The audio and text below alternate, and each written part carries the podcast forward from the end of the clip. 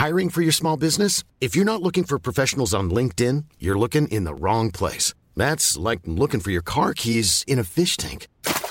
LinkedIn helps you hire professionals you can't find anywhere else, even those who aren't actively searching for a new job but might be open to the perfect role. In a given month, over 70% of LinkedIn users don't even visit other leading job sites. So start looking in the right place. With LinkedIn, you can hire professionals like a professional. Post your free job on linkedin.com slash people today.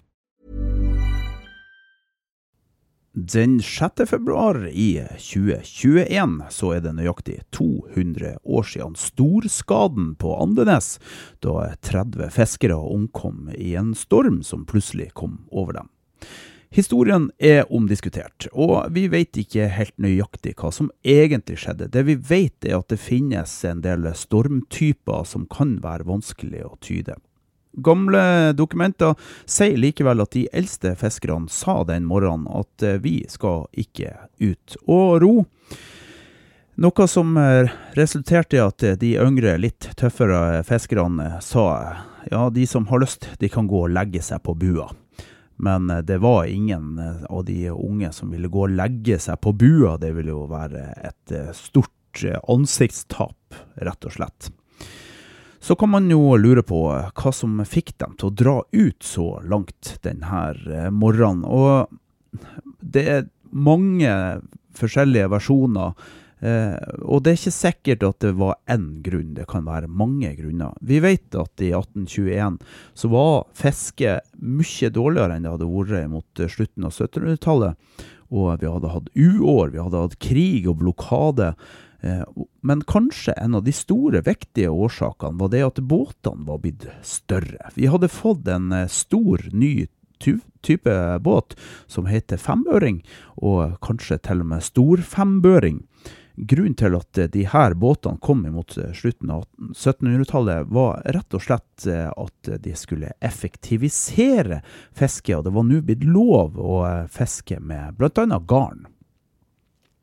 Vi kan vel si at fembøringen er en tradisjonsbåt, og den eh, ble bygd mest for skreigarnfiske, eh, og er den aller største av eh, båtene. Eneste som er større av nordlandsbåtene, er da stor fembøring. De første fembøringene ble bygd mot slutten av 1700-tallet og var mellom 10,6 og 11,6 meter lang, hadde seks rom og et mannskap på seks. Fembøringene bygga etter den nordnorske båtreformen rundt 1860, også kalt storfembøring, er vanligvis mellom 13 og 13,9 meter lang, og de hadde eh, syv rom og et mannskap på seks eller sju. Fembøringen kjennes bl.a. igjen på det karakteristiske løftingen akter, som er en slags kahytt som kunne brukes til ly og overnatting når man seilte til og fra de store fiskeriene. Løftingen ble satt på land under sjølve fisket. Mange åtringer hadde også en eh, eh, løfting. Det er uklart hva benevnelsen fembøring egentlig kommer av. De andre nordlandsbåtene hadde navn som viste til antall årer, sånn som åttring, seksring eh, og tol tol tollegangen, altså toring og treroring, eller rom, toromsbåt, treromsbåt. Det er særlig to teorier om hva fembøring viser til. Stavelsen fem kan vise til tallet fem, og en børing kan tolkes til det å bære eller en bør. Fem kan òg bety fimr, som av norrønt betyr lett eller snar, og børing kan òg bety byrding, som viser til at det er en fraktebåt. Noen påstår at en bør er ca. 1000 kg, som vil bety at en fembøring vil kunne frakte fem tonn med fisk men navnet kan muligens også komme av at mens alle de mindre nordlandsbåtene, til og med åttring, hadde fire bordganger, så hadde fembøringen fem, altså en børing, og kan dermed forstås som avledet av bord eller bordgang. Fembøringen oppsto pga. et behov for større båter som følge av utvikling i teknologi og regulering i fisket. I eh, Nord-Norge så var det fra gammelt av bare tillatt å drive skreifiske med håndsnøre eller juksa. Mens eh, line og garn var forbudt. En viktig grunn til forbudet var at line- og garnbruk krevde større båter. Dette ville ikke den vanlige fiskeren ha råd til å investere i, og det ville derfor være velstående bønder som kunne ha råd til å drive dette fisket. Det var særlig under lofotfisket forbudet mot andre bruk enn juksa ble strengt håndheva. Tettheten av båter og folk var stor, og myndighetene mente at de nye redskapene ville fortrenge juksafiskerne. På Helgelandskysten og noen andre steder ble det eksperimentert med linefiske fra slutten av 1600-tallet, og garn ble også tatt i bruk. Mot slutten av 1600-tallet og utover 1700-tallet ble imidlertid etterspørselen av tørrfisk og kleppfisk i Europa stadig større, og presset økte mot myndighetene for å tillate fiske med mer effektive bruk. Fra 1786 ble det derfor lov å fiske med line og garn, men kun om natta. Om dagen var det bare juksa som var lovlig. Men fra 1792 ble begrensningene på fiske med line og garn helt oppheva. En garnbåt måtte ha mer plass til redskap og fangst enn både snøre- og linebåter, og dermed hadde behovet for den største nordlandsbåten oppstått. De første fembøringene ble tidlig på 1800-tallet bygd som seksromsbåter på rundt 36-37 fot, og var vanligvis bemannet med seks mann. Fra rundt 1860, da ny sagbruksteknologi hadde gjort seg gjeldende og ført til den nordnorske båtreformen, ble fembøringene bygd enda større, som syvromsbåter på 40-44 fot for et mannskap på syv.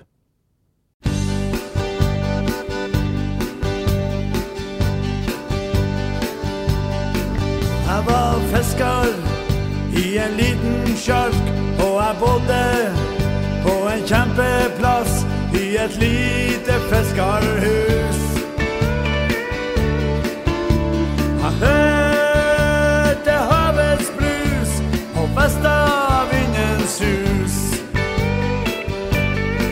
Jeg hadde fisken min på rasjon, sjarken min kom på en auksjon, så nu har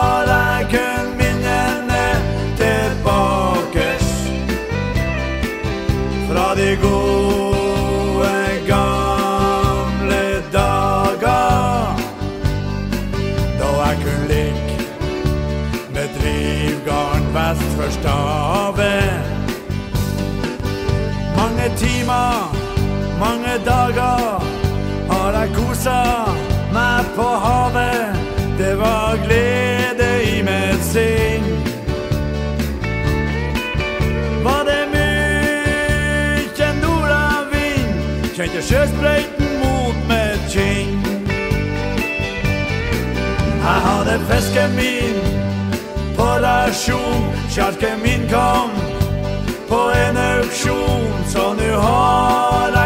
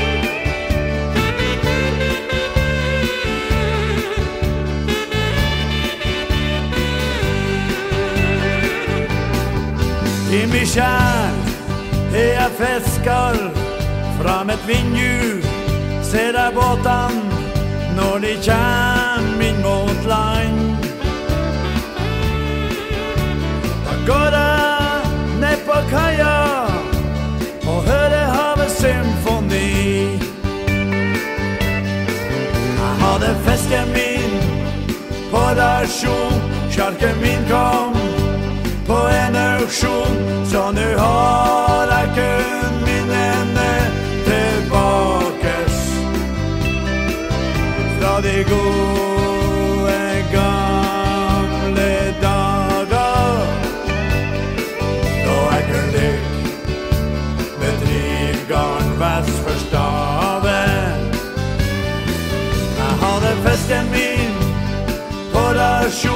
hadde min kom på sjarken kom auksjon, så nu har jeg kun minnene tilbakes fra de gode gamle dager da jeg kunne ligge med drivgarn vest for staven.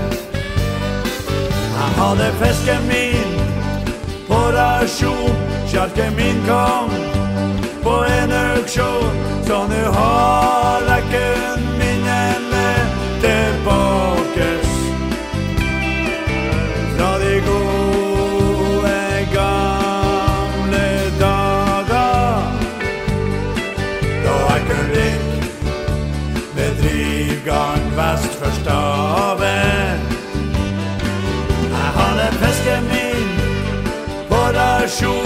rasjon, sjarken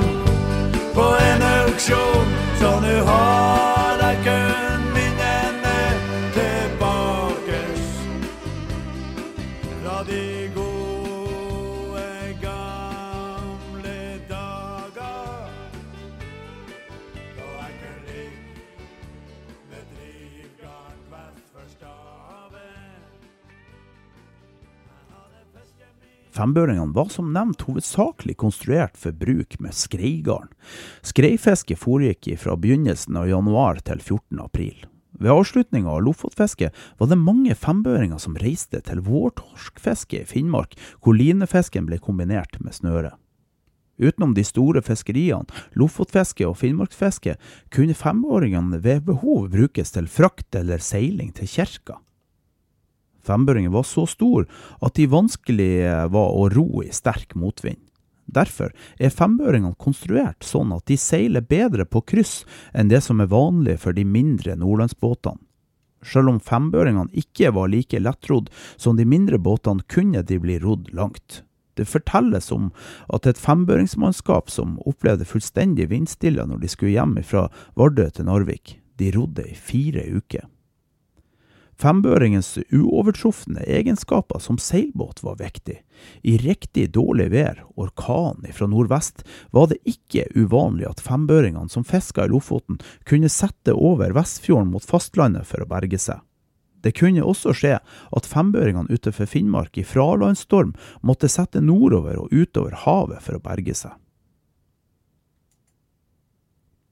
De største nordlandsbåtene, åttringene eller fembøringene, hadde et lite hus eller løfting over bakskotten. Det ble bare brukt under seilas til og fra de store fiskeriene i Lofoten og Finnmark. Her kunne mannskapet sove om nettene når de hadde lagt seg til rette ved et handelssted eller en uthavn. Løftinga hadde en vegg eller en gavl i forkant der hvor døra sto. Det var som regel en åpning eller vindu i hver side av døra for å gi litt lys. Gavlen kunne ligge oppå hammertofta. På sida var det ekstra bord over skvettripa for å gi huset litt høyde. Taket var sulgatt tetta, sånn som skroget, og det var nøkkent sammen med båtspiker eller klinker. Inni løftingen var det benker langs siden og bak, og man hadde ekstra bord som man kunne legge ned sånn at hele mannskapet kunne sove der. Det var også vanlig med en båtovn hvor man kunne koke mat eller kaffe. De krumstemte fembøringene som er bevart, varierer mellom 10,6 og 11,6 meters total lengde, eller mellom 34 og 37 engelske fot. De er alle seksromsbåter. Storfembøringene var vanligvis mellom 13,5 og 13,9 meter lang, altså 42,5 til 45 eh, fot. En fembøring på rundt 40 fot kan veie ca. 2500 kilo uten ballast, mens en på 37 fot kan veie i underkant av to tonn. Det var heller dårlig med egna skog til å bygge båter i Lofoten og Vesterålen, der hvor de største fiskeriene var det samme, gjelder for store deler av Finnmarka. Så Helgeland med den store skogbruksindustrien vokste fram til å bli båtbyggerfylke, og vi vet jo fra før at Hemnes har en god tradisjon, men også Bindal har en veldig stor tradisjon, og mange av de store båtene som vi har igjen, er bygd nettopp på Helgeland. Vi skal nå høre et intervju som NRK gjorde i Bindalen i 2009.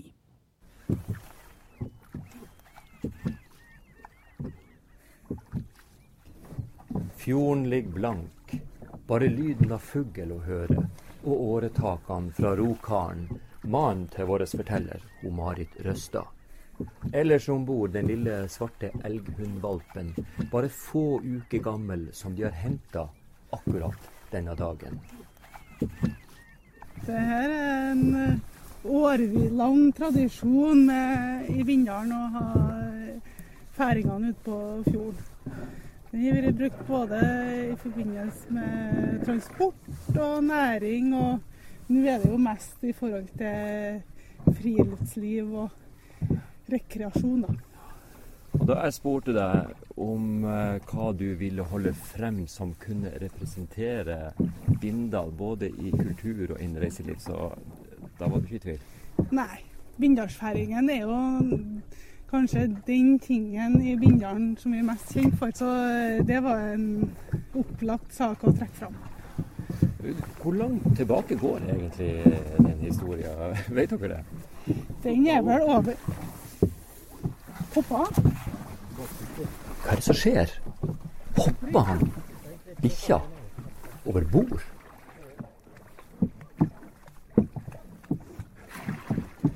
Der! Endelig ser de han det svarte, førpjuska lille nøstet med blanke øyne som de hamler inntil og får løfta om bord. Der, der for skipshunden over bord. Først, første turen på sjøen, og da ble det et bad. Herregud. Du, Sima, tror du de hadde skipshund om bord i, i Bindalsfæringen? Hundene har nok vært med ut på sjøen, det om jeg var det fra starten av, det skal ikke jeg svare på. For et drama. Ja, det ble litt mer dramatisk enn hva vi hadde tenkt. det her.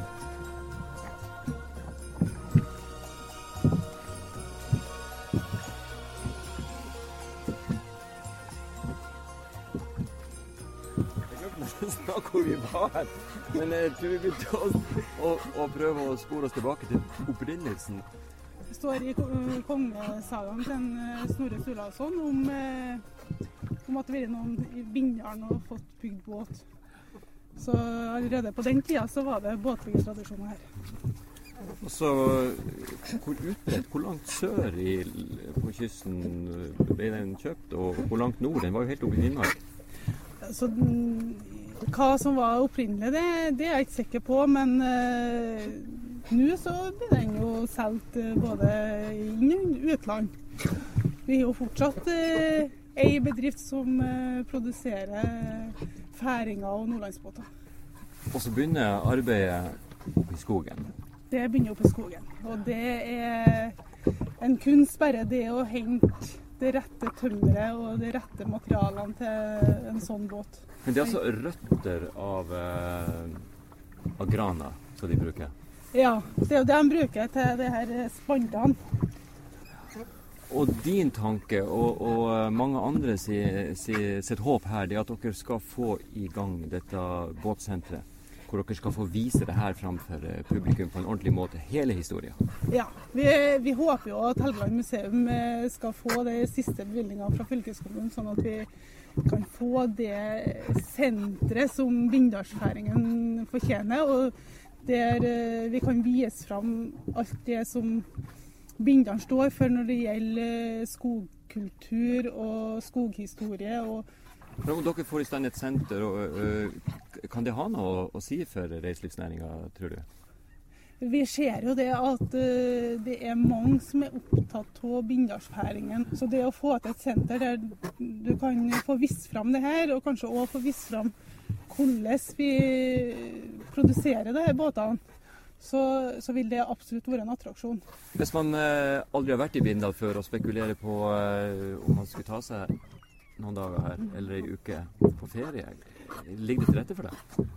Ja, det, vi har eh, Altså, Bindal er ikke tilrettelagt for masseturisme, men vi har veldig mange eh, som eh, leier ut ei hytte eller to eller tre. Og det er jo kanskje det som er fint. da, At du slipper å bo oppå alle andre turister, men kan få oppleve både naturen og roa og freden, i tillegg til det vi har å tilby for aktiviteter og opplevelser. Og det er ikke noe problem å få fisk om man ror ut på fjorden her? Fisk har vi. Vi har jo òg en reiselivsbedrift som har ei fiskeskøyt, så du kan eh, komme ut på storhavet. Og hvis man, hvis man har, da har hund med seg, så får man passe på at man, at man har med seg hjem igjen òg. Ja.